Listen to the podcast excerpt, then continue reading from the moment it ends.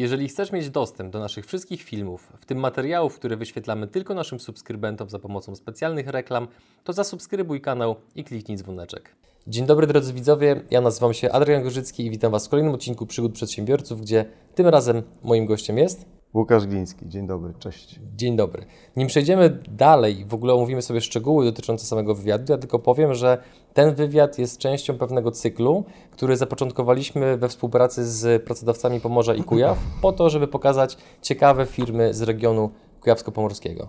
Dobrze powiedziałem? Tak, tak, tak. Się zgadza, się, wszystko tak, się oczywiście. zgadza. To teraz przechodzę oprócz do Ciebie, bo Ty jesteś główną gwiazdą dzisiaj tutaj. O, gwiazdą, nie przesadzę. Oprócz tego, że reprezentuję siebie oczywiście, zawsze, to też y, tak, pracodawców Pomorza i Kujaw jednocześnie tak, jak najbardziej. Partnerami kanału są DPD, Twoi eksperci w doręczaniu, IBCCS Tax, spółki zagraniczne, ochrona majątku, podatki międzynarodowe, Kono, wspólnie budujemy sukces. Platinum Eye. Oko na Twoje finanse. Linki do partnerów w opisie materiału. Pozwól, że przytoczę kilka informacji na temat Twojej działalności biznesowej, a Ty mi powiesz, czy one są prawdziwe. Dobrze. W biznesie jesteś 27 lat. 27 dokładnie.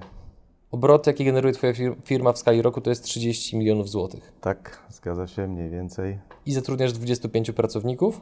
No tak, to jest taka troszkę płynna cyfra, ale mniej więcej tak, teraz chyba troszkę więcej nawet. Mhm. Mniej więcej tyle. Oraz obsługujecie aktywnie około tysiąca klientów. Tak, zgadza się. A branża, w której działacie to? To jest tak, ja to tak dźwięcznie nazywam, utrzymanie czystości i higieny w obiektach użyteczności publicznej. Tak to brzmi. Mhm. I pod tym się kryje bardzo wiele, tak powiem, już szczegółów, tak? Mhm. Czyli to, do kogo docieramy z naszymi rozwiązaniami od tych właśnie 27 lat bo właściwie od samego początku robimy to samo. Czyli tak jak się otworzyliśmy dawno, dawno temu, to naprawdę w innej epoce, to jakby profil działalności firmy jest cały czas bardzo podobny i, i od lat jakby promujemy te rozwiązania.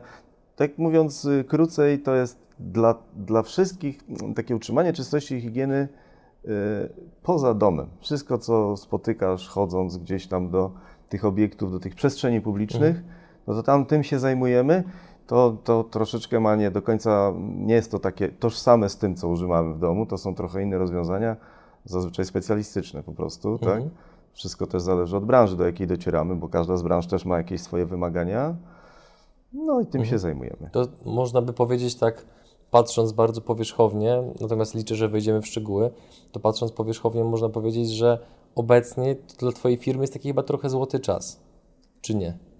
Złoty to może, może to troszeczkę przesada, bo rynek jakby cały czas jest taki i otwarty. Tych podmiotów, które działają na, na, na tym polu jest sporo. A nawet mam wrażenie, że w ostatnim czasie tych podmiotów przybyło, bo przecież są, Polacy są bardzo pomysłowi i jakby chociażby tak sobie przypominam, na przykład gdybyśmy się skupili troszeczkę i zobaczyli, jak wiele jest systemów teraz tak wchodząc do sklepów, marketów, do tej dezynfekcji dłoni, tak? To, to na przykład ja sobie to tak określam, że to jest taki bardzo, bardzo taki wynik takiej fantazji, wyobraźni wielu, wielu producentów i, i takich pomysłodawców pewnych rozwiązań, to, to i tak nie narzekam. Tak już mówiąc, faktycznie zbierając to jakby w jak, jakąś puentę, to cieszę się z samego faktu, że mam z kim rozmawiać, czyli jakby faktycznie dla naszej branży jest to dobry czas. Nie złoty, ale też ciekawy jednocześnie, ponieważ jest taka faza, mimo tego, że ta firma moja ma sporo lat, to jest taka faza E, również właśnie wymyślenia nowych rozwiązań, pewnych systemów. My jesteśmy firmą stricte, bo tak ta, ta branża utrzymania czystości higieny niekiedy kojarzy się z usługą sprzątającą. My jesteśmy firmą typowo handlową, czyli jakby na tym polu handlowym musimy wymyślać pewne nowe, ciekawe rozwiązania, proponować jakieś systemy naszym klientom. Mhm. Podasz jakiś przykład takiego rozwiązania?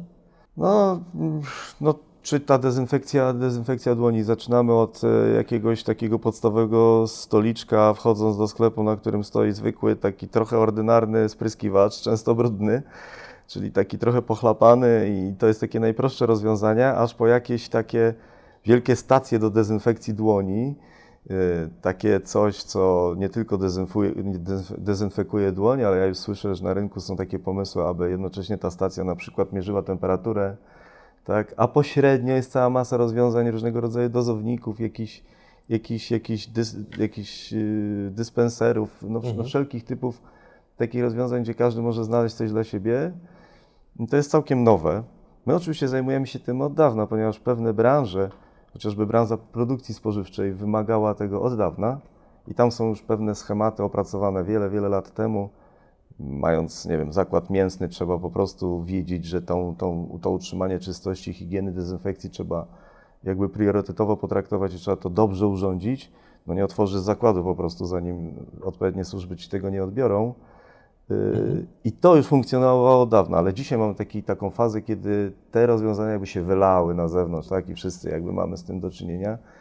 Każdy, kto prowadzi jakiś obiekt, firmę, to po prostu no, staje przed takim zadaniem, żeby to rozwiązać. Mhm. A powiedz mi, no bo e, za każdym razem, przynajmniej tak jak sobie powiedzmy prześledziłem różnego rodzaju takie właśnie branże i wydarzenia biznesowe, no to za każdym razem, kiedy jest boom na coś, no to Pojawiają się rozwiązania, które faktycznie służą klientowi, są realne, potrzebne i tak dalej, ale pojawiają się też rozwiązania, które są troszeczkę takie robione na wyrost, które są powiedzmy tak. drogie, a niekoniecznie efektywne i koniecznie działające. Mhm. I teraz właśnie biorąc pod uwagę to, że żyjemy, no, jesteśmy wciąż w czasach pandemii, to na co klienci powinni zwrócić uwagę pod kątem takiego realnego zabezpieczenia właśnie e, higienicznego swoich pracowników, a na co jednak powinno się tak traktować z pewnym dystansem i raczej nie wydawać na to pieniędzy? Tak, to jest ciekawe pytanie, bo Gdybyśmy się tak troszkę zastanowili, sama dezynfekcja dłoni nie, nie rozwiązuje problemu, prawda? No bo ten wirus jest taki dla nas troszeczkę taki trudny do określenia, jest niewidoczny, taki jeszcze nie do końca zbadany. Nie wiemy, jak on się tak, tak naprawdę rozprzestrzenia. W związku z tym jednym z rozwiązań jest dezynfekcja dłoni, tak? A tych rozwiązań prawdopodobnie powinno być więcej. To taka dezynfekcja dłoni to może dotyczyć nas znacznie szerzej, tak? Bo może od dawna powinniśmy te dłonie dezynfekować i bronić się przed rozprzestrzenianiem zarazków każdych, bakterii i wszystkich innych wirusów, ale na pewno trzeba dzisiaj się skupić na, na wszelkich innych rozwiązaniach. To jest takie, no, chociażby, nie wiem, no, oprócz dezynfekcji dłoni, wycierania rąk na przykład. No, jest taki przepis, który w tej chwili obowiązuje, czyli na przykład w przestrzeni publicznej zabronione jest używanie suszarki do rąk. Tak? I oczywiście są zwolennicy, którzy absolutnie uważają, że suszarka do rąk, ta elektryczna, taka dmuchająca powietrze powinna funkcjonować i już. Jest to dosyć wygodne dla inwestora, bo on sobie tą suszarkę zamontuje, podłączy do prądu i ona będzie ciągle dmuchała, zanim się nie zepsuje. Sprawa załatwiona. Tak. Chociaż mam na to jakby swoją opinię, ponieważ jakby suszarka jednocześnie jest bardzo dobrą wylęgarnią drobną strojów. O tak? też słyszałem. Patrząc, nie? A o tym chyba mało kto wie w ogóle, nie? Tak. I teraz na przykład jest taki bardzo prosty mechanizm, jak wymienianie tych suszarek albo domontowywanie obok tej suszarki ręcznika do wycierania dłoni, czyli papierowy ręcznik do takiego jednorazowego wytarcia, wyrzucenia tego ręcznika i używania kolejnego, tak? Ale tu znowu moglibyśmy się wgłębić, ponieważ samych systemów do wycierania rąk jest tak dużo rozwiązań, gdzie można było jakby też wiele godzin spędzić na prezentacji, co ten inwestor mógłby wybrać, tak? I to są i tak, i tak cały czas proste rzeczy, gdzie my mamy taką fajną fazę w tej chwili w firmie, gdzie sami się zastanawiamy, co zaproponować naszym klientom, co będzie dla nich pożyteczne, co przetrwa tą tylko taką tą wielką falę teraz tego zapotrzebowania, ale będzie rozwiązaniem takim długofalowym, takim na przyszłość, tak? Coś, co naprawdę e, stworzy nam taką bezpieczną przestrzeń do funkcjonowania. No przede wszystkim w miejscu pracy. Mhm. Macie już jakiś taki pomysł? No i na przykład tak, to coś, co, na czym ja pracuję już od dłuższego czasu, to na przykład filtrowanie powietrza, tak? Wydaje się, że skoro te drobnoustroje gdzieś na, tam wkoło nas tutaj fruwają, tak? I gdzieś tam spotykamy się, to już nie chodzi tylko o wirusy, ale właśnie jakieś czy bakterie, czy, czy no wszystko fruwa wkoło nas. Gdzieś może jakimś, jakimś sposobem, nie wiem, podświetlania tej przestrzeni, czy jakiegoś patrzenia przez, przez mikroskop byśmy się przerazili, ile tego jest, tak? To uważam, że filtrowanie powietrza jest ciekawym rozwiązaniem, ale już nie tylko na poziomie jakiegoś jednego filtra, ale być może jakiegoś jednocześnie używania jakichś lamp, prawda, jakichś filtrów dodatkowych typu węglowych itd., tak itd., tak Mam wrażenie, to jest przynajmniej moja, mój pogląd, że takie rozwiązanie może się sprawdzić na przyszłość. Choć jestem cały czas pokorny wobec rynku i, że tak powiem, potrzeb mhm. klienta czy człowieka w ogóle i cały czas sobie dzisiaj obserwuję. To jest w ogóle taka ciekawa faza w tej chwili, przynajmniej w naszej branży, że jakby jest bardzo duże testowanie rozwiązań, tak? Mhm. Czyli jakby jestem w ogóle praktykiem, tak, takim teoretykiem nie za bardzo, ale lubię sobie przyglądać się mechanizmom typowo rynkowym, tak? czyli wprowadzać coś na rynek, uzyskiwać informacje od naszych klientów, pytać ich o to, co na ten temat myślą i tak wyciągać z tego wnioski, tak? Czy, Czy dalej promujemy, jakby cały czas jesteśmy konsekwentni, czy jednak w miejsce tego rozwiązania nie do, nie do końca trafionego proponujemy coś Mhm. całkiem nowego? A co jest w tej chwili takim produktem, na który jest szał wśród Twoich klientów, który jest wyprzedawany praktycznie na pniu? E, to są dosyć, bo my oczywiście cały czas jakby trochę edukujemy, że nasza branża no nie opiera się tylko na takich bardzo prostych produktach, typu nie wiem, taki ręcznik do rąk czy papier toaletowy. Raczej staramy się sprzedawać nasz, e, naszą branżę poprzez e, proponowanie pewnych kompletnych rozwiązań, typu systemy jakieś, jakby taki zestaw, prawda, jakiś taki dopasowany do, do, do potrzeb klienta czy tej branży. Ale coś, co teraz to swe, wszelkiego rodzaju mm, dozowniki, takie sensorowe, tak, jak już mam tak wchodzić naprawdę w szczegóły, Mhm. czy sanitizery, coś, co po prostu dozuje. Już niekoniecznie ten preparat do dezynfekcji, ale mydło w płynie, mydło w żelu, mydło w sprayu, mydło w pianie, tak, już Mhm. wchodzimy w takie szczegóły, gdzie samo to mycie rąk i zaczynamy, tak, tą historię rozwijać. No dla mnie jest to opowieść na godziny, ale nie chciałbym to jakby zanudzać, bo... To ile powinno się myć dłonie prawidłowo? Ile to powinno trwać czasu? Bo o tym też już chyba krążą różne informacje w internecie. Tak, no to kilkadziesiąt sekund jakby, no chociaż te 30 sekund, może minutkę, Mhm. ale oprócz tego pewnie spotykamy na co dzień w tych miejscach publicznych instrukcje, prawda, jak to robić, tam tego kciuka sobie tutaj, prawie można powiedzieć, jesteśmy tymi, zachowujemy się jak chirurg przed operacją, tak, gdzie Mhm. on tą procedurę zna i musi ją stosować, a my teraz poprzez tą instrukcję zapoznajemy się, jak to powinno wyglądać. Gdybyśmy sobie dłonie włożyli w taką lampę ultrafioletową, tak, to można bardzo fajnie się pobawić, doświadczyć, jak to jest, kiedy umyjemy tak całkiem dłonie, tak, tak bardzo płasko, tak szybciutko, podświetlimy, się okaże, że w tych wszystkich zakamarkach to wszystko, ten cały taki brud został, tak? Yy, Albo jak umyjemy dokładnie, to jeszcze zostanie, no ale ten, ten, ta proporcja tych, tych, tych brudnych powierzchni będzie, będzie znacznie mniejsza. A jest jakieś takie właśnie rozwiązanie, które pozwala bardzo szybko właśnie czyścić dłonie, typu właśnie być może jakaś lampa, że tylko wkładamy, naświetlamy, wyjmujemy? Są takie rozwiązania, czy jeszcze nie ma? Są bardzo? takie, a to są właśnie już w przemyśle, w tej technologii y, przemysłowej, tej produkcji spożywczej. To już mogę powiedzieć, że tam mm, pewnie nie jeden z widzów i tego doświadczył, widział albo wie, że tak jest. Y, W każdym razie, na przykład w przemyśle tam mięsnym czy spożywczym są tak zwane śluzy, to czyli pracownik z szat- z szatni, kiedy się przebierze, ubierze w ten strój roboczy, maszeruje na halę produkcyjną, no to musi przejść przez taką śluzę, która jakby każe mu się umyć, y, wręcz zdezynfekować sobie nawet i obuwie, tak? I jest taka bramka automatyczna. I właśnie z tymi dłońmi jest tak, że jak je umyje, to jest taka specjalna komora, że wkładając te dłonie do tej komory, jakby jest automatycznie natryskiwany preparat do dezynfekcji, ale jak tych dłoni nie włożysz, to ci się bramka nie otworzy, żebyś przeszedł dalej, tak? Czyli jakby jest taka automatyczna edukacja, że ten pracownik nawet za dużo o tym nie myśli, ale po prostu wie dobrze, że staje na stanowisku, dłonie tu wkładamy, tam się bramka otwiera i maszerujemy. Jak można powiedzieć, jak na lotnisku, prawda?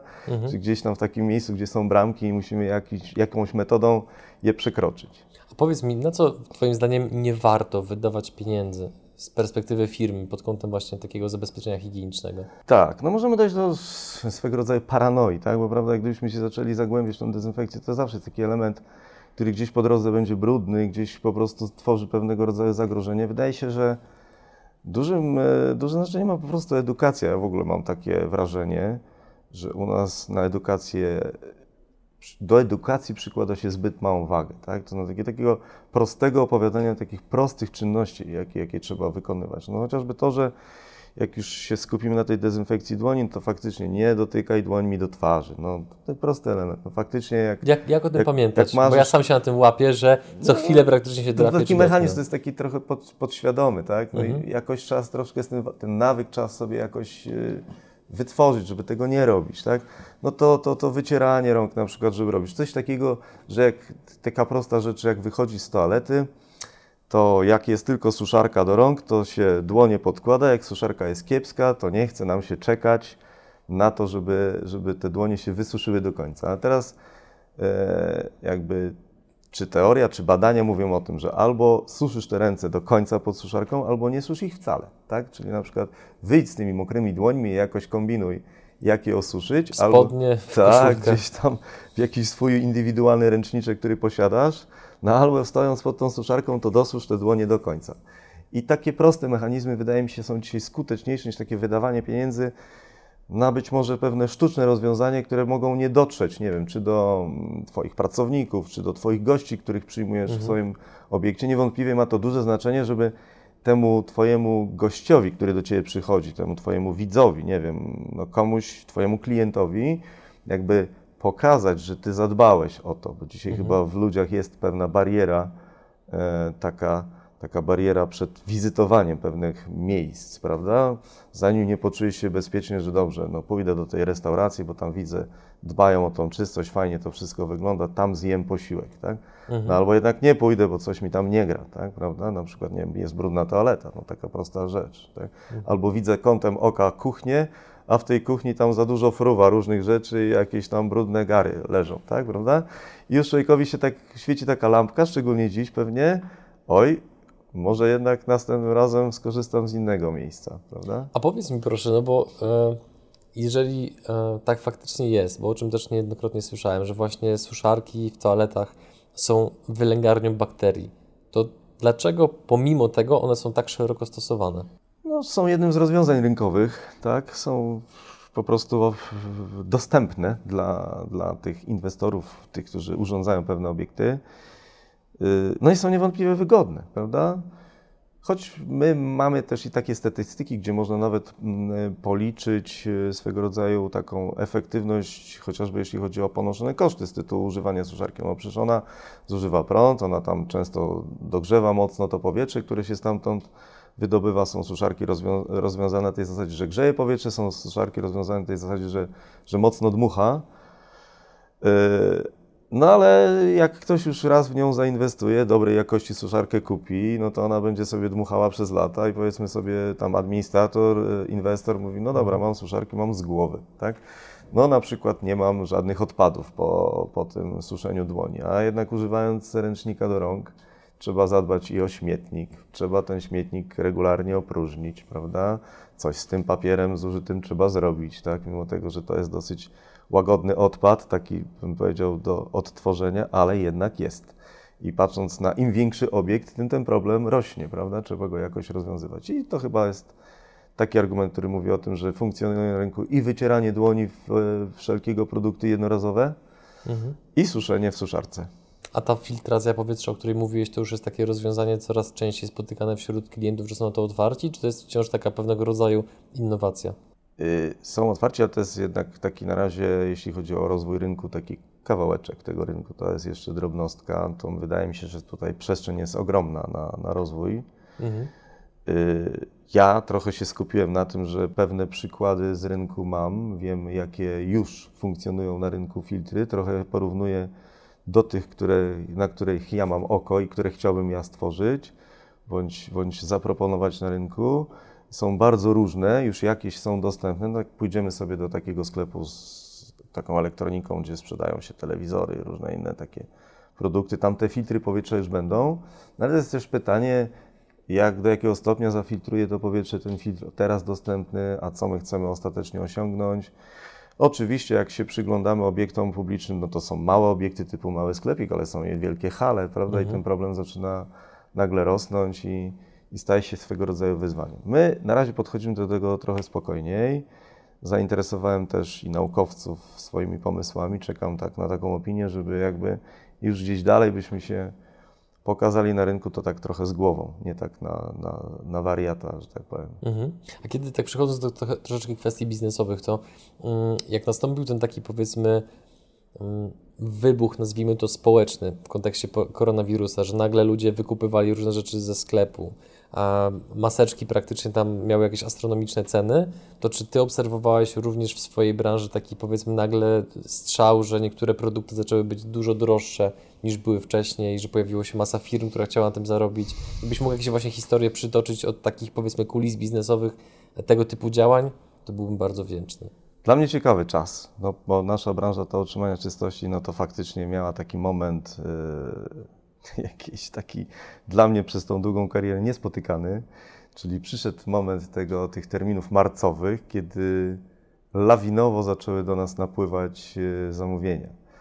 Yy, Naprawdę, nie wiedzieliśmy, co z tym zrobić. Właściwie w firmie odbywały się zebrania i rano, i po południu, dwa razy dziennie, bo ta sytuacja tak szybko się zmieniała, że Szczególnie, że tak powiem, i podziwiałem, i dziękowałem za zaangażowanie naszemu działowi sprzedaży, bo to ta pierwsza linia, która odbierała te zamówienia. No dość powiedzieć, że największy ból handlowca, kiedy masz zamówienie, a nie możesz go zrealizować. Myśmy mieli, robiliśmy wiele, żeby ten towar zdobyć skądś od producentów różnych, a przez te lata kariery znam naprawdę wielu, żeby ten towar zdobyć, dalej odsprzedać do naszych klientów. No, żeby tak jakby obrazowo pokazać, to realizowaliśmy zamówienia na poziomie 5% zapotrzebowania. 5%. 5%. I... No ale ból jest największy, polega on na tym, że nie było skąd wziąć tych Mhm. 95%, prawda? Ja bym chętnie sprzedał. Pewnie był też taki trochę mechanizm, że ci nasi kupujący szukali w wielu miejscach tego towaru. Mhm. Nagle zaskoczony byłem, bo, że tak powiem, i pomyślało o nas e, i, i przypomniało sobie wielu klientów, do których wcześniej w ogóle nie mogłem dotrzeć. Tak jakby, jak często mówię, odbijałem się od szlabana przy ich bramie, gdzie tam chciałem przyjechać, chciałem porozmawiać, się zaoferować, to nagle te zamówienia zaczęły spływać tak ad hoc, po prostu same z siebie. No i było ciekawie, zresztą bardzo wiele takich ciekawych mechanizmów nastąpiło w międzyczasie, tak? Czyli na przykład właśnie ten taki impuls, bardzo duży impuls inflacyjny, to ktoś, kto innymi branżami się zajmuje, no w naszej branży, to może nawet o tym nie wiedzieć, w naszej branży często produkty drożały dziesięciokrotnie, z dnia na dzień. Miałem taki mechanizm na przykład, gdzie miałem jakąś część towaru do zaproponowania, sprzedawałem ją bardzo, co się sprzedawało, nie wiem, na przedpłaty, za gotówkę, tak? Nagle coś, czego wcześniej też nie, było, nie byłem w stanie jakby uruchomić, bo wszystko na jakieś dosyć oddalone terminy płatności, to sprzedawałem ten towar, ale okazywało się, że pieniążki uzyskane ze sprzedaży nie wystarczały na zakup tej samej ilości tego samego towaru na nowo, żeby sprzedawać to dalej, tak? Czyli taka ta siła zakupowa nagle spadała, tak paradoksalnie, prawda? I stąd te zebranie, bo trzeba było myśleć, a jaką cenę zaproponować, żeby nas w ogóle było stać za chwilę, żeby kupić kolejny towar, Mhm. który też był kupowany na przedpłaty czy za gotówkę, bo to nie było jakby litości, tak? Producenci tej litości nie mieli. I przedpłacałem, zapisywałem się w kolejkę do producenta, nie mając żadnej gwarancji, kiedy ten towar dostanę, tak? No i dobra, ten, e, ta cena rosła, bardzo rosła, bardzo rosła, bardzo rosła, ale znowu pojawił się kolejny mechanizm takiego natychmiastowego spadku tej ceny, czyli ona dochodziła do jakiegoś szczytu. Takie załamanie rynku trochę, tak? Tak, że już wszyscy narzekali, no nie, no to jest cena po prostu jakaś chora, no nie wiem. E, Opakowanie preparatu do dezynfekcji e, 5-litrowego na przykład było droższe od dobrej butelki whisky na przykład, tak? I tak sobie człowiek nieraz myślał, kurczę, co to za kara, że muszę tak duże pieniądze płacić za, za po prostu pre, zwykły preparat do dezynfekcji, tak? Ale przy taki moment, kiedy on z tej swojej wielkiej ceny nagle w ciągu dosłownie dwóch dni cena spadła albo sprzedaż się zatrzymała, bo na, nastąpił ten moment nasycenia rynku, wszyscy zgromadzili swoje zapasy, te zapasy były na tyle duże, że, że nagle po dwóch dniach okazywało się, że nagle ucichły telefony, te zamówienia zgasły i na przykład trzeba było być bardzo czujnym na rynku, mimo dużego doświadczenia w branży, jak budować sobie magazyn, żeby nie wpaść w taką pułapkę, tak? Czyli na przykład nie zostać z dwoma tirami preparatów do dezynfekcji kupionych za 150 zł, a 4 dni później ten preparat kosztował 50 zł na przykład, tak? Albo jeszcze mniej w sprzedaży. Nagle. Czyli kupiłeś go trzy razy drożej niż mogłeś za chwilę go sprzedać. To w jaki sposób podejmowaliście decyzję, żeby, no mówiąc kolokwialnie, nie popłynąć finansowo? Tak, no cały czas pracowaliśmy zespołowo. To znaczy, ja oczywiście mam jakąś swoją intuicję i cały czas też pracuję bardzo mocno, jestem związany z rynkiem, ciągle kontaktuję się ze swoimi klientami, ale też czerpałem doświadczenie, jakby opinie od swoich współpracowników, no bo i mamy handlowców w terenie, mamy swój dział sprzedaży rozwinięty i te zebrania na tym polegały właśnie, że zespołowo wszyscy siadaliśmy sobie, każdy mówił, co myśli na dany temat, jakie tam z dnia nawet ma swoje tam jakby oceny, co się dzieje. Ucichło, nie ucichło, właśnie ciągle Mhm. pytają, ciągle chcieliby, proponują, a weź jeszcze to, ściągnij coś, czego wcześniej nie robiłem. No i tym się sugerowałem, prawda? No odpowiedzialność i tak ciąży ostatecznie na mnie, tak? To ja muszę te pieniążki wydać, ja wiem, jaki jest stan kasy, idę do pani księgowej i z nią znowu dyskutuję, co robimy dalej, szczególnie właśnie wtedy, kiedy te pieniążki trzeba było cały czas wykładać, tak? Mhm. co się jakby na rynku w jakiś, jakiś czas temu skończyło, ograniczyło, a tym razem trzeba było po prostu wszystko przedpłacać. Mhm. No i to nas trochę uratowało, choć mam wielu kolegów z branży, bo, bo, bo znam tych kolegów w całej Polsce i nie jeden, e, że tak powiem, no, no, no, no wpadł w jakąś pułapkę. To, to nie dotyczy tylko jednego produktu. Tych produktów było na tyle dużo, że to nie dziwne, że gdzieś w którymś miejscu można było się potknąć. Tak? Jaka była największa strata finansowa, o której słyszałeś?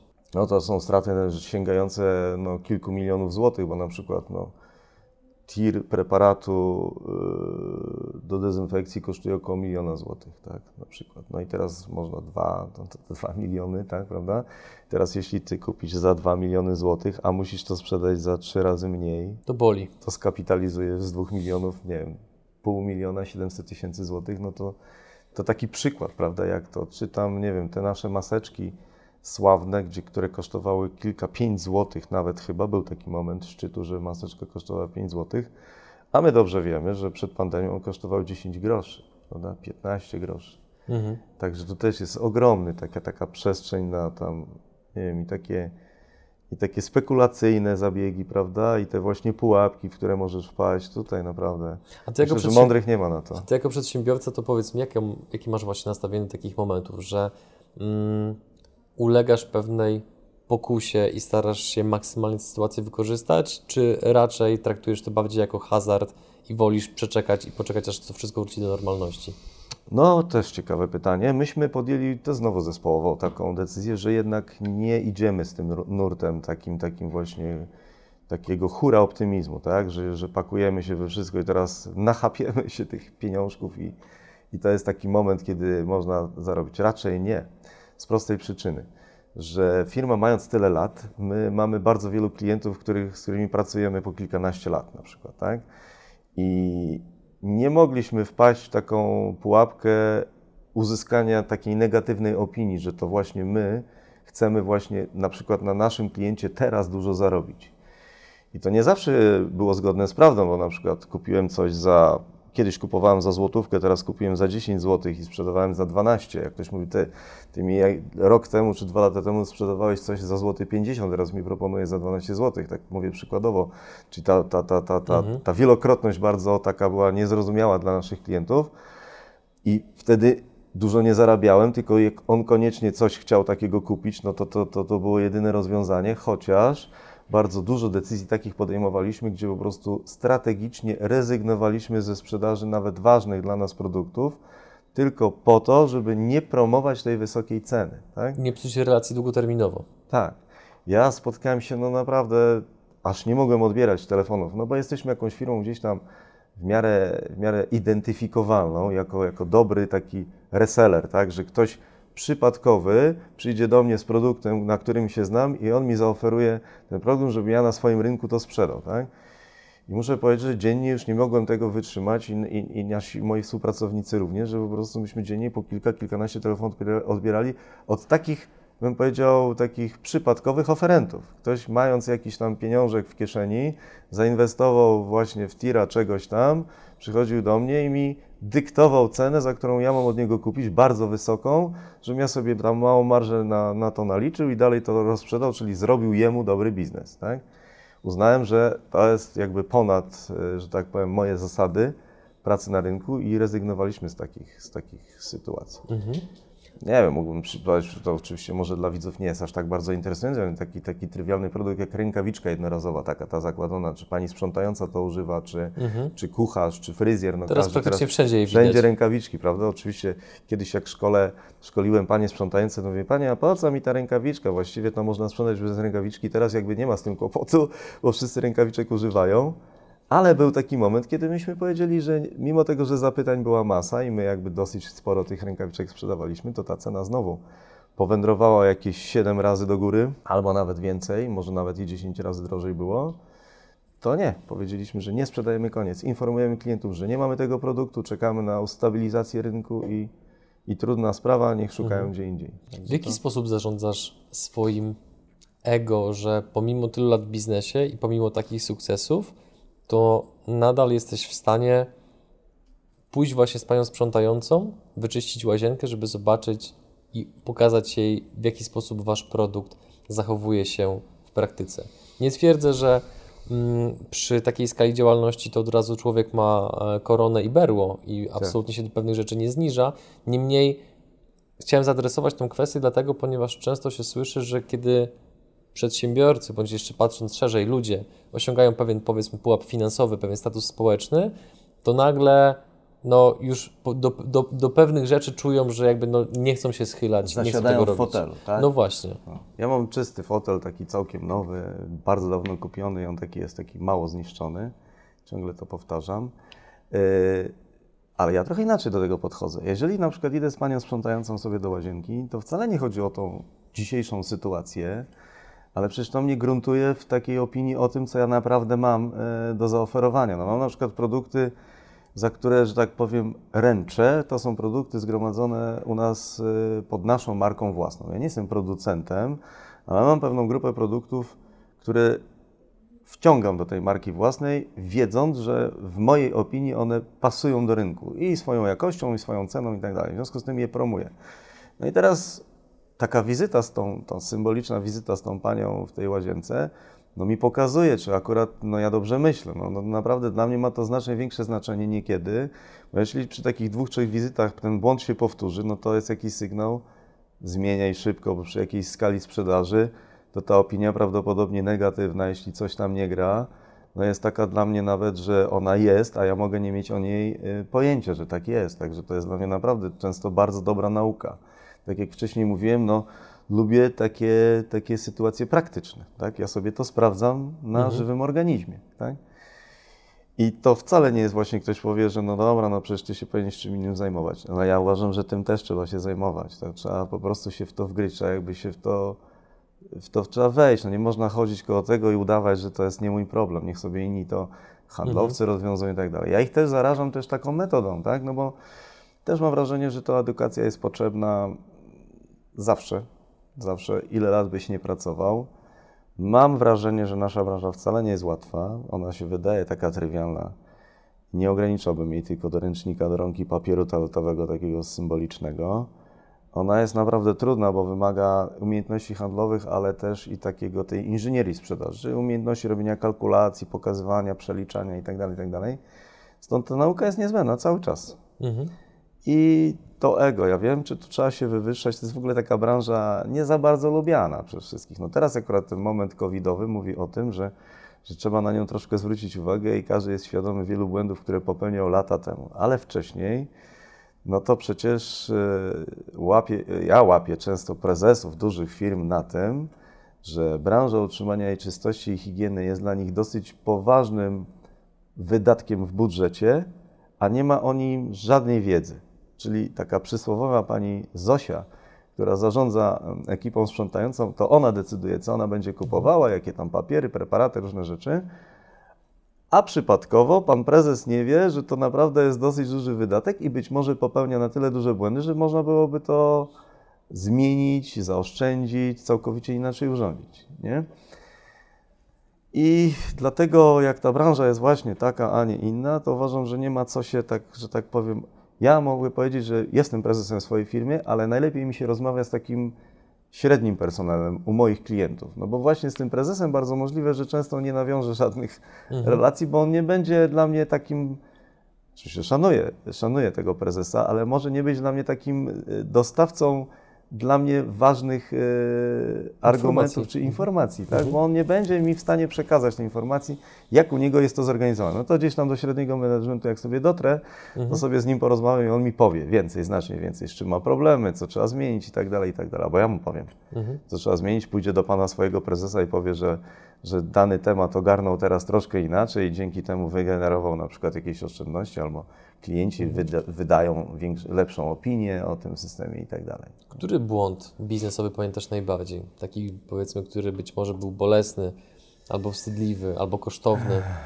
Jakąś historię poprosimy. Takich, no, takich błędów, żeby aż gdzieś zachwiały firmą, to może e, nie było, tak? bo, e, bo takich starałem się unikać. Zresztą no, właśnie dzisiaj, może ze względu na te lata działalności, nie odważyłbym się podjąć takiego takiej decyzji, która mogłaby ryzykować na przykład jakimś tam zachwianiem działalności firmy, czy wręcz może nawet i upadkiem. Y, I na pewno takich błędów popełniłem y, sporo, bo dzisiaj sobie mogę z perspektywy czasu myśleć tak troszeczkę inaczej, że na pewno było wiele szans, nie wiem, poprowadzenia firmy inaczej, zrobienia jakichś pewnych podjęcia trochę innych decyzji niż podjąłem, a bardzo możliwe, że wiele rzeczy, że tak powiem, przeszło bokiem, tak? Bo nieraz nawet w takiej rozmowie, nie wiem, przy piwie może się okazać, że ktoś, ten twój partner przy tym piwku zarzuci ci fajny pomysł, o którym jutro zapomnisz. A może z perspektywy, z perspektywy czasu okazałby się ten pomysł tak super rozwiązaniem, że nagle byłoby dwa razy łatwiej, dwa razy szybciej i tak dalej, i tak dalej. No na pewno były takie lata, gdzie może jakieś były zachwiania, gdzie taka była, że tak powiem, trochę taka bieda, tak? gdzie może przesadziłem z jakimiś e, inwestycjami czy jakimiś decyzjami, gdzie trzeba było zaryzykować wydatki. Ale chyba na szczęście udało się, udało się takich bardzo spektakularnych e, akcji uniknąć.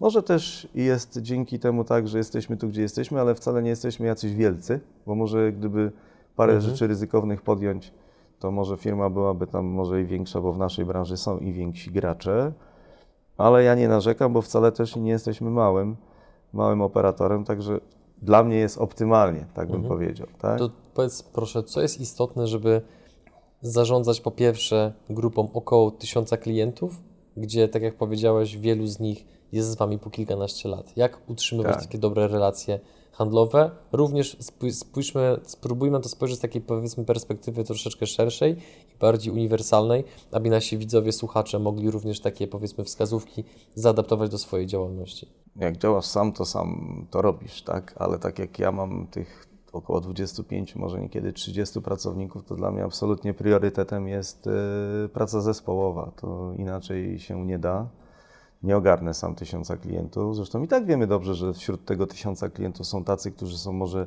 nie do końca dobrze zaopiekowani. To jest naturalne. Tak jak mówię nieraz w branży, jak mnie tam konkurencja gdzieś tam dościga i dociera do mnie ta informacja, to, to, to nieraz mówię, że jestem dosyć łatwy do ustrzelenia, bo mając taką dużą grupę klientów, gdzieś da się mnie dosyć szybko jakby tak e, bym powiedział, tak e, zaszufladkować i gdzieś mnie tam dopaść w jakimś sensie, nie? I mi tych klientów próbować pozabierać. Ale i tak, my mamy jakieś swoje metody, siadamy sobie zespołowo i po prostu nawet yy, takie proste narzędzie, jakie ja stosuję u siebie, to po prostu dzielę kompetencje w zespole. Jeżeli mam zespół handlowy, to, to praktycznie każdy handlowiec ma swoich podopiecznych z, tym, z tych moich klientów. I jakąś grupę, wyselekcjonowaną grupę priorytetowych dla nas klientów yy, znamy, czujemy, utrzymujemy z nimi kontakt. Mają oni swojego opiekuna z naszej strony. Potem jest mi znowu łatwiej, bo to też jak nie dotrę do wszystkich, to pracując w zespole mogę sobie każdego z pracowników dopytać, co tam słychać u danego klienta, co mnie akurat w tym momencie interesuje, bo może ja go znam z dawnych lat i chętnie bym posłuchał, że jest lepiej niż było kiedyś, tak? I że to fajniej ta współpraca e, dzisiaj wygląda. To tylko tak, nie inaczej. To, to żadna filozofia, nic takiego super, mhm. ale wydaje mi się to skuteczne. No. Mm, pracownicy też, jakby ten cały nasz zespół handlowy to rozumie, że jakby oni się opiekują częścią, ale już kolega z boku kolejną częścią, kolejną, ale to znowu rzutuje na pracowników, którzy się nie opiekują, czyli nie wiem, osoby z działu księgowości, całą logistykę, czyli magazynierzy i kierowcy. My taki biznes mamy tradycyjny bardzo, czyli my mamy magazyn, pełny magazyn towaru, my mamy kierowców, e, my mamy księgowość, mamy dział sprzedaży, czyli ten cały zespół tak pracuje takimi metodami, bym powiedział, pewnie dla wielu młodych starymi metodami, tak? Może można było to trochę inaczej przemeblować, może nie mieć magazynu, ale ja jednak jestem tym tradycjonalistą i, i tak to prowadzimy. Mhm.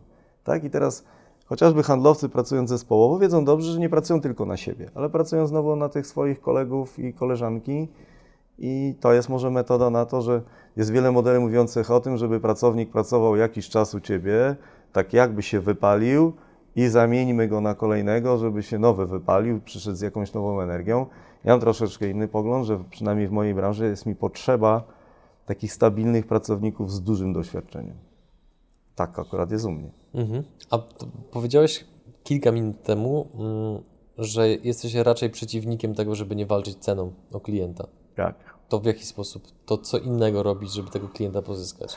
No, taką szeroko pojętą obsługą przysprzedażną, tak? Czyli na przykład mam u siebie dział serwisu. Bardzo drogi dział, zresztą wszyscy uciekają dzisiaj z serwisu. Jeśli zadzwonimy dzisiaj, nie wiem, do jakiejś firmy produkującej telewizory, okaże się, że wcale nie rozmawiamy z serwisem tego, tego producenta, tylko rozmawiamy prawdopodobnie z call centerem, który dostał od tego producenta zlecenie poprowadzenia mnie jako osoby reklamującej ten telewizoryk symboliczny i żebym jakoś został zaspokojony co do moich pretensji. A ja znowu inaczej, no, no mam taki żywy serwis, tak? Mam swoich e, serwisantów, którzy jakby przy sprzedaży pomagają jakby dodatkowo jeszcze tamtego klienta, że tak powiem, dodatkowo obsłużyć, czyli jeszcze mu pomóc, coś podpowiedzieć, chociażby takie, takie coś jak sobie wyobraził w mojej branży bardzo popularną e, zasadą jest e, użyczanie dozowników. Wyobraźmy sobie dużą klinikę i w tej klinice, jak sobie chodzimy no w każdej sali, gdzie leżą pacjenci, w każdej sali zabiegowej są umywalki, są te dozowniczki, właśnie są toalety, to wszystko trzeba uzbroić. No i teraz mógłbym bardzo płasko do tego podejść, pozyskać tego klienta, przywieźć mu paletę tych dozowników, powiedzieć bardzo proszę, to jest produkt, proszę to odebrać, podpisać, zapłacić. I niech się Pan martwi, a my oprócz tej dostawy oczywiście od razu oferujemy tą pomoc w tym, że my mu to zamontujemy, mu to uzbroimy, wyszkolimy, podpowiemy, jak to używać prawidłowo i tak dalej. Kosztowne to jest, no ale to mi tam daje tą gwarancję mhm. Y, tej współpracy z tym klientem przez dłuższy czas na przyszłość. I oprócz takiej przysprzedażnej pomocy, no jest wiele innych dodatkowych, prawda? No Polacy mają też taki ciekawy charakter, nie do końca to jest jakby tak docenione, tak? No jednak ten rynek jest dosyć nieraz taki agresywny, bardziej płaski i nie zawsze klient to doceni. Mówi, dobrze, niech mi Pan nam nie gada o tym waszym serwisie i tam, tych cudach, co Wy nie macie, proszę mi po prostu zaoferować dobrą cenę i, i wtedy będziemy współpracowali. No może i są takie przypadki i nie jeden taki jest, ale też no, ja się dopasowuję do klienta, ale też mu pokazuję, jak ja to, jak ja to sobie wyobrażam, że mhm. dla mnie może inne elementy też mają duże znaczenie. Tak? Mhm. Chociażby to, że my teraz z klientami nieraz pracujemy, ale na przykład pokazujemy ją pełną statystykę, jego statystykę. Czyli ja mu coś dostarczam, dostarczam, ale na przykład kwartalnie mu melduję, że proszę pana, kupił pan tyle tego, tyle tego, tyle tego. W naszej opinii proszę zwrócić uwagę na coś tam, bo, bo, bo być może coś tam za dużo, za szybko rośnie, te koszty panu rosną i tak dalej. No i też liczymy na to, że on to doceni w przyszłości, że gdyby się zdarzyła taka trudna sytuacja jego decyzji, bo kupię od kogoś coś taniej, a może jednak nie kupię taniej, może jednak zostanę przy tym starym dostawcy i, i najwyżej mu podpowiem, że ktoś tutaj cię próbuje y, zjeść, ktoś cię prześcignąć i zapytam, czy da się z tą ceną coś zrobić, albo jednak docenię te dodatkowe elementy, które które pozwolą zostać przy starej cenie, a za to z lepszą jakością usługi. Zbliżając się powoli do końca wywiadu, powiedz jeszcze proszę, mm, co było kluczowe z Twojej perspektywy, żeby doprowadzić firmę do 30 milionów złotych obrotu rocznie? Teraz sobie myślę, że jakbym miał mniej, to może się nie utrzymał. E, to jest ciekawe też, bo teraz nieraz jak sobie tam sobie siedzę przy kawie czy, czy, czy przy tym kufelku piwa i sobie tak myślę, to nieraz sam się podziwiam, że przybywa nam nieraz takich klientów, gdzie może lata temu nie wyobrażałbym sobie, że byłbym w stanie z nimi współpracować, tak? I to ja tak widzę, że nieraz w branży nawet niektórzy koledzy, z którymi rozmawiam, a mam z nimi dobre relacje, też mm, pytają, jak to się stało, że ty tam akurat jesteś dostawcą i tak dalej. I nie zawsze nawet sobie potrafię to tak do końca wytłumaczyć, tak? Że tak akurat się stało. No ale potem jak sobie pododajemy tego klienta jakiegoś nowego i tych stałych, który, z którymi pracujemy, ta kwota jakaś faktycznie się generuje. Ale też często to powtarzam, że my sprzedajemy takie produkty niskocenne. A teraz sprzedając produkty niskocenne, trzeba mieć świadomość, że dosyć duże obroty trzeba wygenerować, bo ta marża jest naprawdę nie za duża. Te produkty są policzalne, porównywalne z innymi, w związku z tym to nie ma takich tak zwanych złotych strzałów albo jakiejś takiej próby wygenerowania bardzo dużej marży i troszeczkę takiego zaczarowania naszego klienta, że go tam tą marżą troszeczkę tutaj, e, że tak powiem, omamimy i sobie więcej zarobimy. Raczej trzeba tak, tak rzemieślniczo pracować, trzeba tą marżę w miarę stabilną sobie naliczyć, ale za to pracować bardzo mocno nad tym generowaniem obrotu, tak? Nieraz potem sobie patrzę, jak mam takich małych, widzę operatorów i oni w mojej ocenie za mało sprzedają, stają się dla mnie swego rodzaju niebezpiecznymi partnerami, bo, bo mając doświadczenie wiem dobrze, że w naszej branży trzeba dosyć dużo sprzedać, żeby mieć pieniążki na to, żeby się utrzymać. Mhm. A powiedz mi, mm, teraz przejdźmy z perspektywy pozytywnej do perspektywy być może odrobinkę negatywnej, ale wydaje mi się, że bardzo pouczającej. Mm, przez te 27 lat na pewno widziałeś wiele upadków różnych firm. Tak. Twoich znajomych, kolegów, tak. dalszych znajomych, obcych ludzi, o wielu historiach słyszałeś. To jakie błędy najczęściej popełniali przedsiębiorcy, którzy no, musieli po prostu potem w efekcie zamknąć działalność? Brak pomysłów na przyszłość. Moje zdanie takie jest. Tak? To znaczy coś takiego, że jak ktoś chciał, przynajmniej w naszej branży, zaistnieć, to jak nie ma takiego pomysłu na dłuższy czas, to no nie wiem, tak jak mówię, no tak wyskoczy z jakąś tam taką koncepcją sprzedawania za pół darmo, tak jakby mówiąc tak kolokwialnie. Tak się patrzę na to spokojnie i, i już widzę od razu na samym starcie, że z tego nic ciekawego nie będzie, tak? Bo już nie mówię o takich przy, przypadkach, bym powiedział, losowych, przypadkowych, bo to się też zdarza. No, trzeba mieć jakby świadomość, że jakaś ten procent rynku niestety napada, dlatego że często trudno to wyjaśnić, prawda? Jakiś może chwilowy błąd, jakaś chwila słabości, no nie wiem, może jakiś, mhm. jakaś kwestia typowo tam, nie wiem, mentalna, rodzinna i tak dalej, ale, ale wiele jest takich rzeczy bardzo łatwo wytłumaczanych, że jak nie masz pomysłu, to po prostu nie, nie, nie, nie, nie, nie, nie zadziałasz, tak by, tak? Tutaj Skąd brać dobre pomysły? Chyba z głowy, tak? To jest taka jakaś intuicja trudno mi siedzieć w innych głowach, tak? Jakieś siedzę sobie w swojej. W jaki sposób ty się stymulujesz do tego, żeby wpadać na dobre pomysły? Cały czas nawet i współpracownikom to powtarzam. Tu nie chodzi o to, żeby się pocić, tak? I, i, i że tak powiem, yy, yy, zapracować się to nie cnota, tak? Dobrze pomyśleć to, to na pewno jest znacznie ważniejsze. I te przynajmniej chyba mam taką umiejętność jakiejś analizy rynku, gdzieś tam sobie sprawdzenia pewnych mechanizmów, jak to dzisiaj działa, gdzie to, w którą stronę to pójdzie. I oczywiście cała masa błędów tutaj się pewnie y, pojawi, ale też z tych błędów no, coś tam wyłuskamy, takie coś, co nam pociągnie nas troszkę bardziej do przodu. To jest chyba cały czas takie y, ważenie proporcji, tak? Ile popełnisz błędów, ile podejmiesz dobrych decyzji i, i cała, całe, ca, całą energię trzeba skierować, żeby te dobre decyzje gdzieś tam jakby sprzedać w zespole, żebyśmy razem sobie je realizowali. To cały czas, mówię, to jest rodzaj intuicji, tak? Jakiejś takiej, nie wiem, no takiej, ja wiem jak to, coś gdzieś tam do tej głowy przychodzi, gdzieś tam, no na pewno moi pracownicy, jak im coś przyniosę, jakiś nowy pomysł, to tak sobie gdzieś tam w kącie pukają się w głowę, no znowu coś wymyślił i to lipa z tego będzie i na pewno nieraz tak jest, ale może sam fakt przynoszenia tych pomysłów jest bardzo ważny, tak, że ja sobie też cenię takich współpracowników, którzy nie, nie pytają, jak to zrobić, albo mówią, że pomóż mi, jak coś tam zrobić, ale moim zdaniem można by to tak zrobić, tak i tak, wybierzmy razem mhm, tą najbardziej mhm. prawdopodobną koncepcję. To, to jest bardzo cenne, dzisiaj szczególnie to sobie wysoko cenię. No i tak samo ja uważam, że to jest wręcz mój obowiązek, żeby do firmy przynosić pomysły. Tak? E, I gdzieś tam w zespole sobie to konsultować, żeby mhm. były bezpieczne. Mhm. Bo znowu nie pracuję tak, że teraz przynoszę pomysł i teraz wy to zróbcie, bo będzie na pewno dobrze. Wolę sobie to z nimi przegadać, prawda? Mhm. Wtedy wiem, jak jest. To ostatnie pytanie, jakie zadam, będzie troszeczkę klamrą łączącą e, koniec wywiadu z początkiem, a mianowicie mm, Prawdopodobnie niejednokrotnie spotkałeś się z tym, że wiele osób jest odrobinę wycofanych wobec różnych organizacji biznesowych, spotkań biznesowych.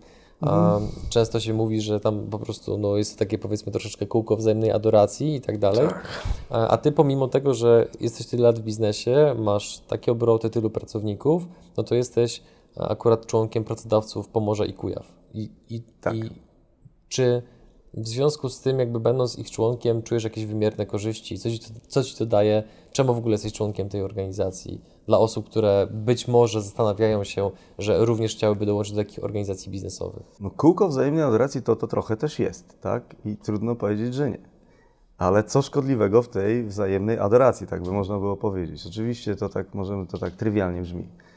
Y, na pewno takie uczestnictwo ma wiele zalet, bo chociażby jak mówimy o pracodawcach, to jest to taki ciekawy związek, który na przykład prowadzi wciąż biuro. To biuro bardzo Ci pomaga. Jak jesteś członkiem związku, to chociażby prowadzi coś w rodzaju newslettera, gdzie dostajesz jakiś pełen pakiet informacji jest tam kilka osób, które jakby skupiają się na pewnych rzeczach, na które być może brakuje ci czasu, tak? I ty sobie zajmujesz się swoją branżą, a to nagle dostajesz informację, jak na przykład w ostatnim czasie szybko zmieniają się przepisy, tak? I, mhm. i możesz sobie takiej, takiej, w takiej skoncentrowanej wersji to wyczytać, wyczytać, wyłapać coś, co dla ciebie jest ważne. Możesz wrócić do tego biura, zapytać, tam ktoś ci kompetentny pomoże. Jakaś też cała gama swego rodzaju szkoleń, jakiś, no, czy dla Twoich pracowników, czy, czy, czy dla Twojej branży. Pomoc znowu w pozyskiwaniu dotacji, prawda? To też jest y, bardzo ważne. Dzisiaj chyba jest coraz mniej takich odważnych, jak ktoś ma jakiś ciekawy pomysł i projekt, żeby samemu napisać sobie wniosek unijny. Naprawdę nie jest to takie proste. Nawet w takich bardzo szybkich, krótkich działaniach, gdzie może te y, na pierwszy rzut oka formularze wydają się proste. Ja też w kilku takich konkursach uczestniczyłem i naprawdę nie podjąłbym się. W związku z tym czas kogoś skorzystać. Ktoś ci powinien w tym pomóc. Między innymi tacy pracodawcy są do tego gotowi. A są i takie rzeczy, gdzie ja uważam, że to jest takie ciekawe. Teraz jest taki, taka, taka nowa sytuacja rynkowa. Nie powiem, no kryzys jakiś tam pewnie nas e, w jakimś większym lub mniejszym stopniu dopada. Ale chyba to też jest dobry argument do tego, żeby próbować szukać takiego życia w stadzie, prawda? Gdzieś takiej, takiej pomocy jakiegoś kolegi nawet z branży, takiej wymiany informacji, jakiejś mhm. takiej platformy, gdzie no, ktoś powie, co u niego słychać, jak sobie porównasz, on ci powie, jakie ma spadki, no to sprawdzisz, czy moje są podobne, prawda, jeśli to jest podobna branża do mnie. Czyli taki, a taki, taki naturalny ciąg do tego, żeby gdzieś w jakimś większym y, zbiorze firmy funkcjonować. To jest też taki może, nie wiem, może mały apel do takich firm nowych, młodych, tak, żeby tak się nie bronić przed tym, właśnie szukać takiego wsparcia, bo to może po prostu pomóc w rozwoju. Możesz szybciej gdzieś tam skorzystać z tego takiego jakby zaplecza. No mało tego, wydaje się, że chyba takie, takie związki, takie stowarzyszenia no mają trochę większą siłę głosu. Gdzieś one prędzej dotrą do jakiejś instytucji, gdzieś tam napiszą może jakieś pismo, ono ci pośrednio może pomóc.